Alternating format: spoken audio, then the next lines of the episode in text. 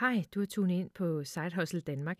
I dag fortæller Julie om at investere i designertasker, og om hvorfor det er ret smart at gøre det som et alternativ til aktier.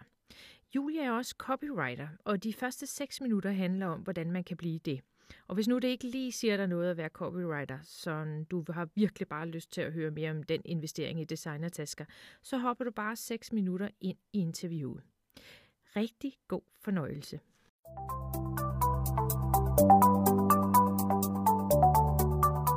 Hej Julie, velkommen til Side Hustle Danmark.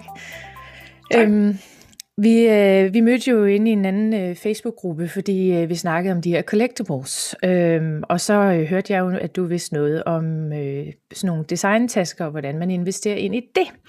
Men øh, så fandt jeg ud af, at du har jo også nogle, sådan et lille andet side hustle, øh, som slet ikke har noget med tasker at gøre. Hvad, hvad er det?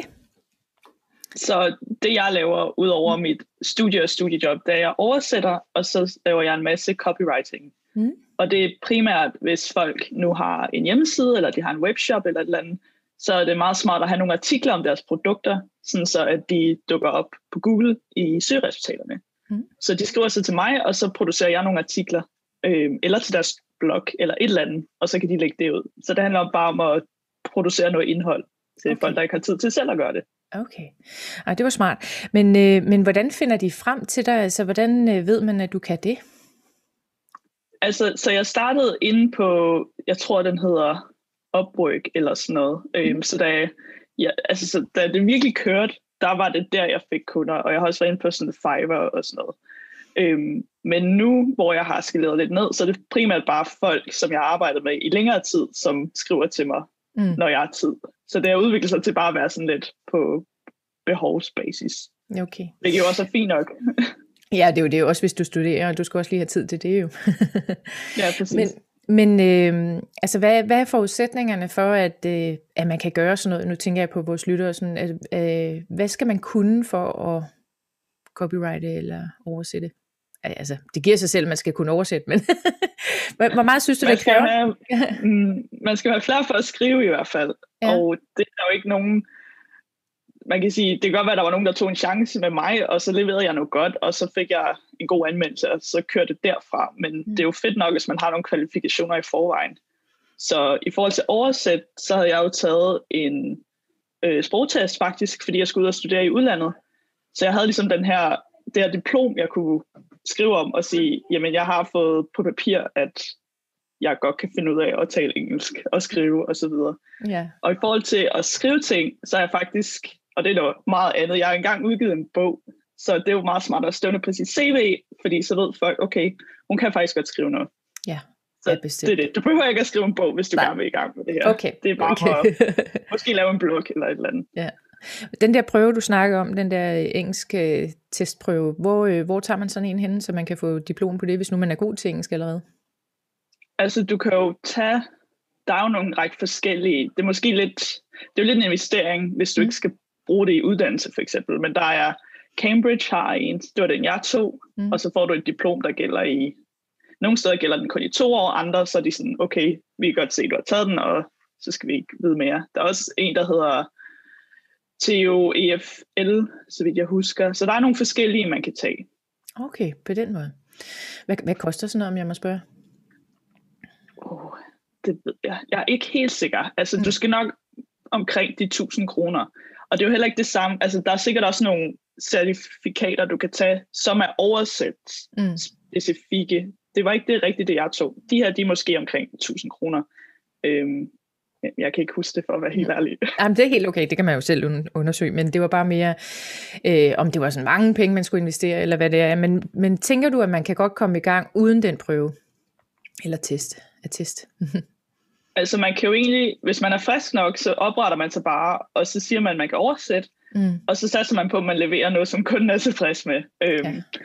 Så det, jeg tror måske, der er mange, der godt kan overvurdere, hvor gode de er til ja. engelsk, fordi altså det ved jeg i hvert fald, da jeg boede i Danmark, jo, man kan godt tale, og man kan godt øh, forstå og læse, men det der med at skulle oversætte dansk mm. og alle de udtryk, vi bruger til engelsk, eller den anden vej rundt, så kan du hurtigt komme på overarbejde, hvis ja. du ikke sådan, har helt styr på det, eller sidder nok med det i hverdagen. Nej. Så man skal også selv lige være ops på, hvor god man er ja. i realiteten.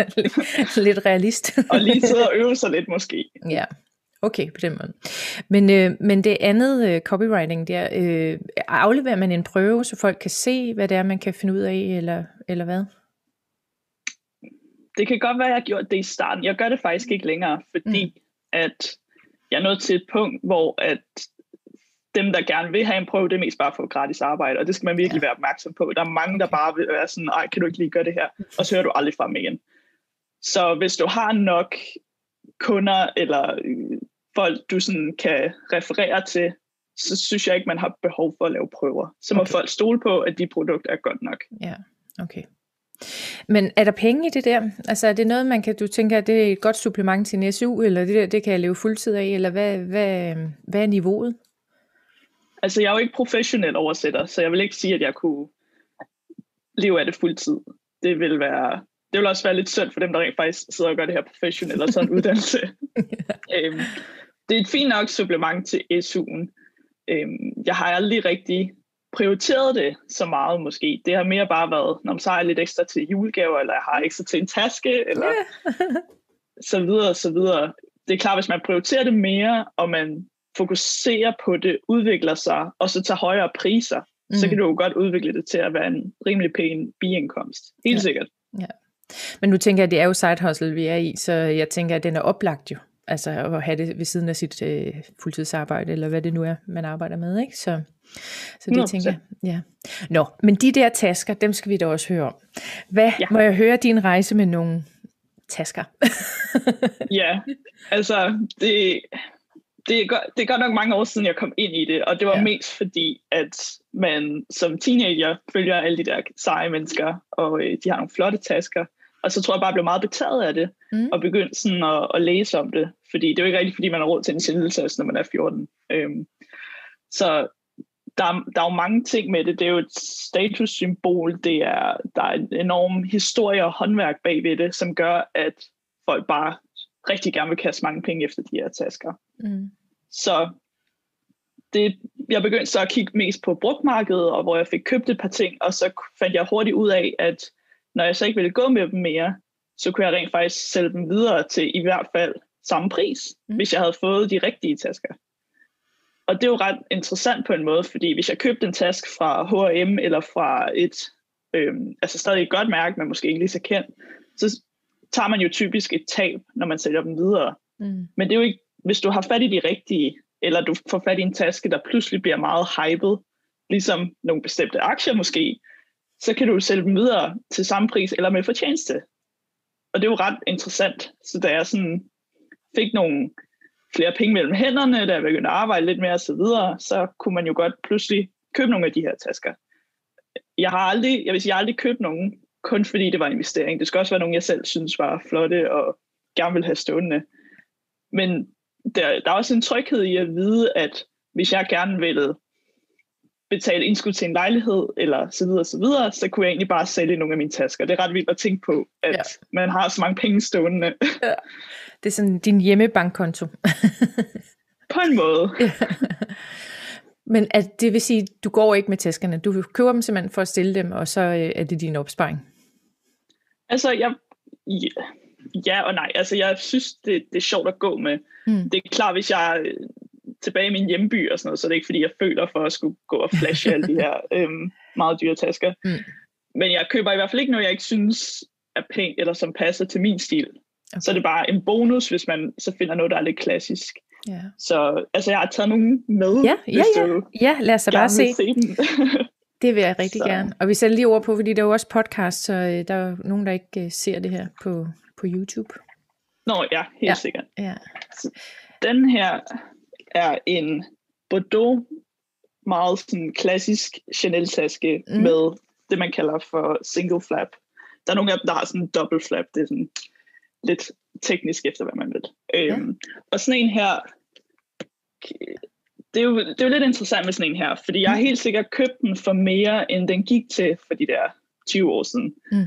Men jeg regner også med, at hvis jeg nu beholder den, og jeg har primært købt den, fordi jeg synes, den er pæn, altså mm. don't get me wrong, men hvis jeg nu beholder den, så er der meget stor sandsynlighed for, at jeg kan sælge den med fortjeneste. Okay. Og der er nogle grunde til det. Mm. Fordi først og fremmest, så er den i rigtig god stand. Det vil sige, at hjørnerne er ikke blevet slidte. Der er ikke krassemærker på, eller cigaretmærker, eller hvad man mm. nu kunne tænke sig efter sådan en øh, 20-40 år. Og så fordi, at okay, den er mere end 20 år gammel, den er nok de der 40 år. Men så fordi, at i dag er der mange af de her Chanel-tasker, der ikke bliver lavet med ægte guld. Og mm. det gjorde de før i tiden, og det er den her faktisk. Okay. Så kæden er ret tung, og sådan lidt mere blød i det, mm. og det giver jo også en ekstra værdi i forhold til det ægte guld, og det er en... Der er nogen, der synes, at de ældre tasker er blevet lavet med mere håndværk og med bedre materialer og holder bedre. Ja. Så hvis jeg nu beholder den her i fem år, så kan jeg 100% sælge den videre til mere, end hvad jeg købte den for. Okay. Vi kommer ind på lige om lidt, hvor øh, du køber og sælger hende, skulle jeg til at sige. Men lad os så bare se, hvad havde du ellers? Den er virkelig flot. Den var sådan øh, meget klassisk Chanel, tænker jeg. Ja, Den lige præcis. har vist. Ja. Øhm, og de går aldrig om mode. Nej, det skal man nemlig også lige tænke, når man så investerer i det, det er, at man, kan man se det der igen om 20 år eller 40 år? Altså det er noget, der vil, der vil holde stilen på en eller anden måde, ikke? Ja, præcis. Mm. Og de, altså, i sådan det der taske community, der taler man om, der er sådan en sådan hellig sådan trio på en måde. Så du har Chanel og Hermes, og så har du Louis Vuitton. Øhm, jeg er ikke så meget til Louis Vuitton personligt, men mm. de har også vist, at de er populære og holder værdien. Okay. Så det anden, jeg har, det er også en Chanel. Øhm, det er så den model, man kalder for en boy-model, fordi den har det her quiltet sådan ude i kanterne. Det er mm. faktisk en omvendt. Så der er den her kant på, og sådan tryklås, og så har du en kæde, hvor der er sådan skulderstrop på med. Ja. Er den også gammel? Og den her er faktisk nyere, og okay. det er en af de modeller, som jeg tror, de introducerede for små 10-15 år siden. 10 år siden måske. Og den er så, det er jo sådan lidt et gamble med de der nye modeller, om det så bliver en klassiker. Der er nogle af dem, hvor de har lavet en ny model, og alle er mega op at køre over den i starten, men så dør det ud. Ja. Og den her boy-model, som den hedder, den er mere, den har vist sig at holde værdien. Så det, det er en af dem, jeg, sådan, jeg tror på, kan man sige, øhm, at den også vil holde sådan på længere sigt. Mm. Så ja. ja. Og, og ja. så har jeg en... I er super flotte. Var den grå, den der den sidste, jeg så? Ja, den var grå. Ja, ja. Også en meget sådan stille og rolig klassisk farve. Ja. Man kan også få dem i regnbue og sådan noget. Det er ikke sådan ja. Nej. helt vildt meget til. Nej. og den sidste, jeg har her, det er så en grøn en. Og det er så ikke fra Chanel, det er fra et mærke, der hedder Strathberry. Okay, øh, og den, den har flot. sådan en tværgående metalstang, og så en kæde, som også kan sådan gå sidde på skulderen og så videre. Hvad sagde du, var den grøn? Er den ja, grøn, sådan en flaske ja, grøn. Ja, ja, det er lidt svært at se lige her i det her lys, men øh, ej, den er super flot og meget anderledes, kan man sige. Ja, og den er lidt interessant, fordi jeg købte den primært, fordi jeg synes, den var pæn, og jeg lige havde, jeg tror jeg lige var blevet færdig med et år på uni eller et eller andet. Ja. Og øh, så fandt jeg den her butik i London, som altså fantastisk kundeservice, meget lækre materialer. Og øh, så købte jeg bare den her og har brugt den måske et par gange og ikke lige tænkt nærmere over det. Men så finder jeg ud af, at der er så en af de royale, engelske royale, som går med den. Jeg tror, det er Catherine, en Kate, eller hvad hun hedder. Ja. Hun har så gået med den, og det betyder lige pludselig, at det her brands værdi er bare eksploderet. Ja. Øhm, og det, det er også det, vi ser herhjemme. Ikke Mary går med noget, og så ja. bliver det pludselig mega vildt og populært. Ej, det er cool. De er virkelig flotte, og meget, altså jeg synes, de er meget klassiske, fordi jeg tænker også, som selv siger, hvis man har investeret sådan en regnbue, kan vide, om man vil overhovedet have et publikum til at sælge den igen. Altså det er jo måske ja, meget, meget få i forhold til, hvad du kan sælge de andre tasker til, du har, ikke? Det er klart, at man skal vælge nogle farver, der holder sig. Sådan noget sort og grå og nogle, noget beige også. Øh, ja. dæmpede farver. Det, ja. det holder. Ja.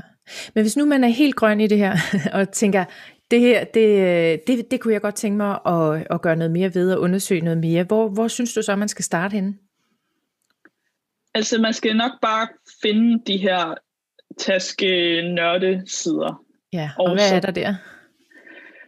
Uh, der er Purseblock, den er rigtig populær. Det, det er både et forum, hvor man kan, hvor folk de er sådan gode til at godkende og sikre ægtheden osv., men de har også en blog, hvor de øh, følger øh, prisstigninger, mm. og sådan lidt baggrund omkring mærket. man kan også bare google mærket og se nogle dokumentarer omkring håndværket. Det er også ret spændende, hvis man går op i den slags mm. sådan mere håndværkersiden. Og så er der også, altså der er en række sider, hvor de følger prisstigninger eller nye kollektioner osv. Mm. Øhm, jeg synes jo, det er spændende at følge prisstigningerne og se alle de her grafer, sådan, hvordan det går op. eller nu har de annonceret endnu en prisstigning, og det har de været rigtig gode til her de sidste her over pandemien.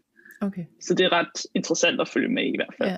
Og så også, du ved, lære, hvilke modeller, der er klassiske, og hvilke, der holder værdien, så man ikke kaster penge efter noget, der ikke ja. holder. Men, men den der graf, du snakker om, hvor findes den henne? Altså, hvor kigger jeg efter det? Altså, nu skal jeg lige se, hvor var det, jeg fandt. Jeg sad nemlig lige og læste op på det ja, Ja, selvfølgelig. så der er en, der hedder Marie Claire, og en, der hedder Brag My Bag, og så den her Purse Block. Okay. Det, og, det og Bag Ja. Altså ja, det, det er jo ikke for, formålet med dem er ikke at overtale folk til at investere. Det er mm. lavet for folk, der allerede er vilde med taskerne og bruger dem. Så det er for sådan et forbrugersynspunkt. Okay. Øhm, ja. Og altså for eksempel, så tror jeg, det var, der, der er nogle af de her, de helt klassiske Chanel-modeller, hvor mellem tror jeg, 2010 og 2016, så er de steget med 70 procent i værdi. Det er virkelig meget ja, for på så... meget kort tid. Ja. og sådan en som en Birkin, øh, det er sådan den helt klassiske. Den tror jeg også, der er mange, der har hørt om. Mm. Øh, Birkin-tasken her. Den er jo steget med, altså jeg tror, den har været på markedet siden altså 1950-agtig. Og den er steget med 500 procent. Hold øh, op. Over de sidste 70 år. Så nu skal man op i de her 100.000 for at få fat i sådan en taske her. Ikke? Ja. Så det er en god investering. Det er ligesom med de der Amazon-aktier. Skulle man bare have investeret for nogle år siden. ja, lige præcis. Ja. Lige præcis. Men, men, øh, men hvordan, når nu man skal kaste ud i det der at købe sin første taske, er der sådan et eller andet, nu siger du Chanel, er det, sådan, er det et sikkert valg, tænker du, i forhold til, at, øh, er det svært at gå i, galt i byen med, eller, eller hvor vil du foreslå, at man starter henne?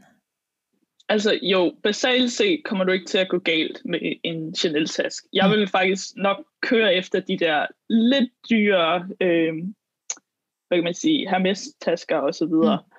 Mm. Men Chanel er faktisk et rimelig godt bud på at komme ind i det. Jeg vil så måske køre efter second-hand markedet, og det kan godt være lidt tricky, fordi du skal også være sikker på, at den taske, du køber, er ægte. Mm. Men der er stadigvæk penge at spare på det. Ja.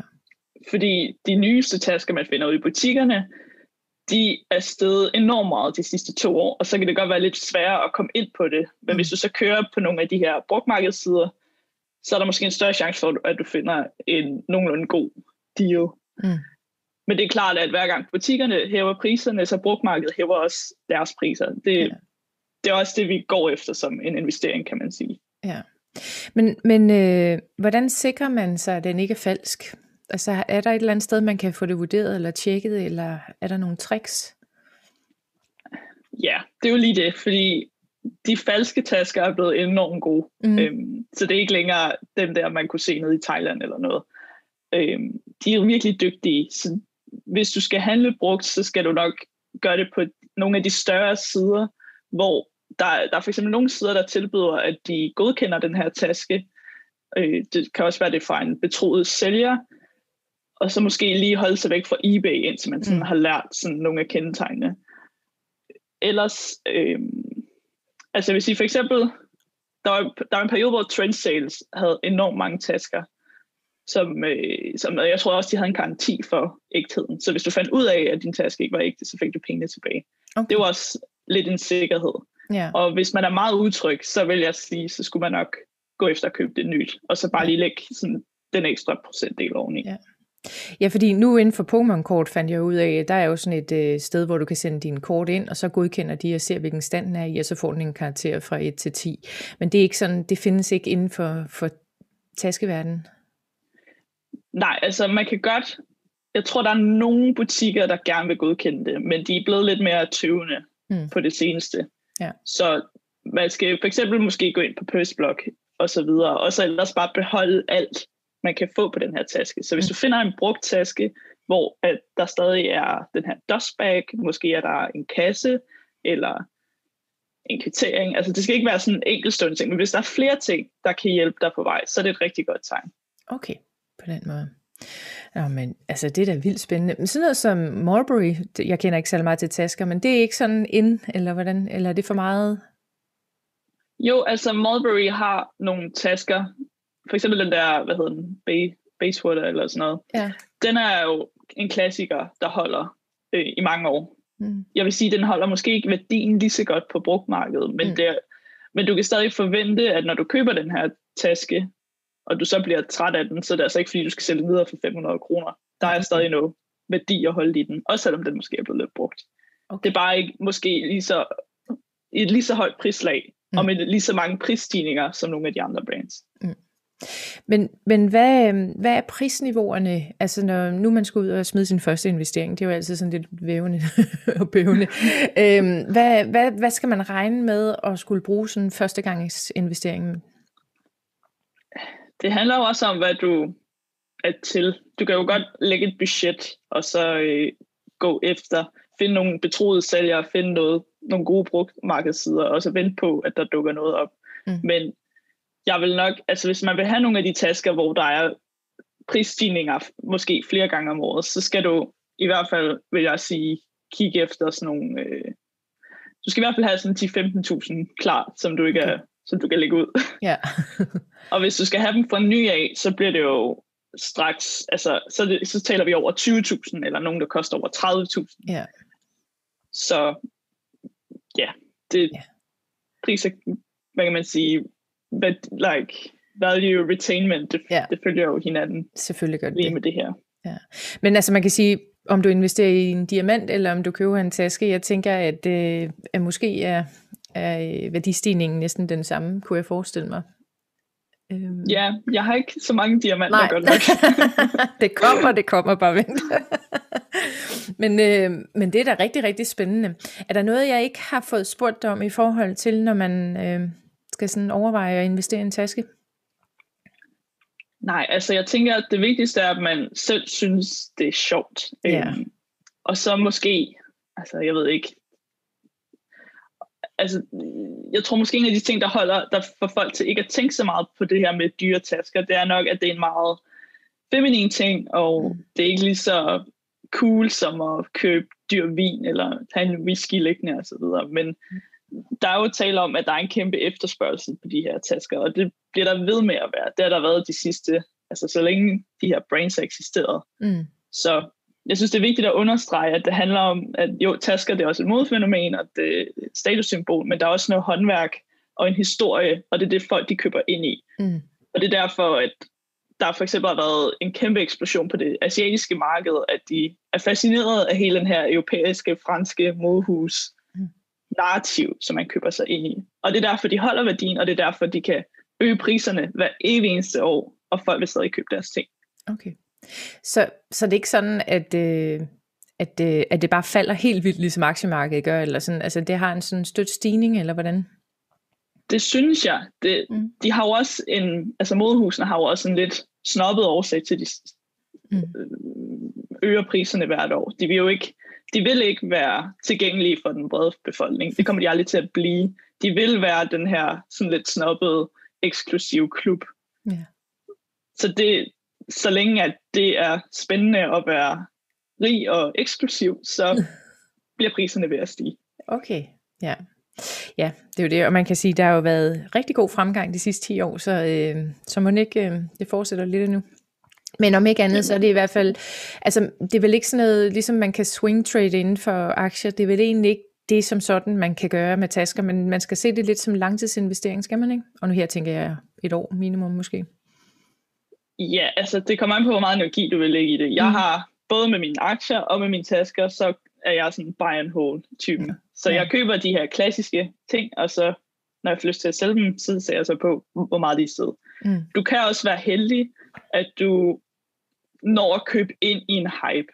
Øhm, og der kan man sige, det er måske ikke så forskelligt fra, når aktierne bliver hypet, men at du finder en model fra et brand, og så lige pludselig så eksploderer efterspørgselen, ligesom den her grønne taske, jeg vis. Mm. Det kan også være, at du måske, altså, der var et eksempel her for et par år siden, hvor Dior de lancerede deres saddlebag, mm. og den er jo ny og spændende for det yngre publikum, men det er faktisk en model, de har haft før i tiden. Okay. Så det vil sige, at alle dem, der har haft den her saddlebag liggende op på loftet, de kan pludselig trække den frem, mm. og så sælge den for måske altså, dobbelt så meget, som da de købte den tilbage i tiden. Ja. Så du kan også være heldig, at altså, moden går ligesom i sådan en, en cyklus på en måde, hvor ja. gamle ting bliver populære igen. Så ja. man kan også være heldig på den måde. Ja. Ja, det kunne vi også se med Bjørn Wienblad og Kæler herhjemme og så videre, der lige fik sådan en renaissance her for nogle år tilbage. Så, øh, men det tænker jeg, det har alle sammen, øh, de der cykler, som du snakker om, så øh, det lyder meget fornuftigt. Så øh, jeg kommer nemlig også til at tænke på sådan noget som Lego, det har jo også øh, de her forskellige cykler, ikke, som, hvor man køber de her Lego-kasser, men de fleste, de pakker dem så ikke ud jo.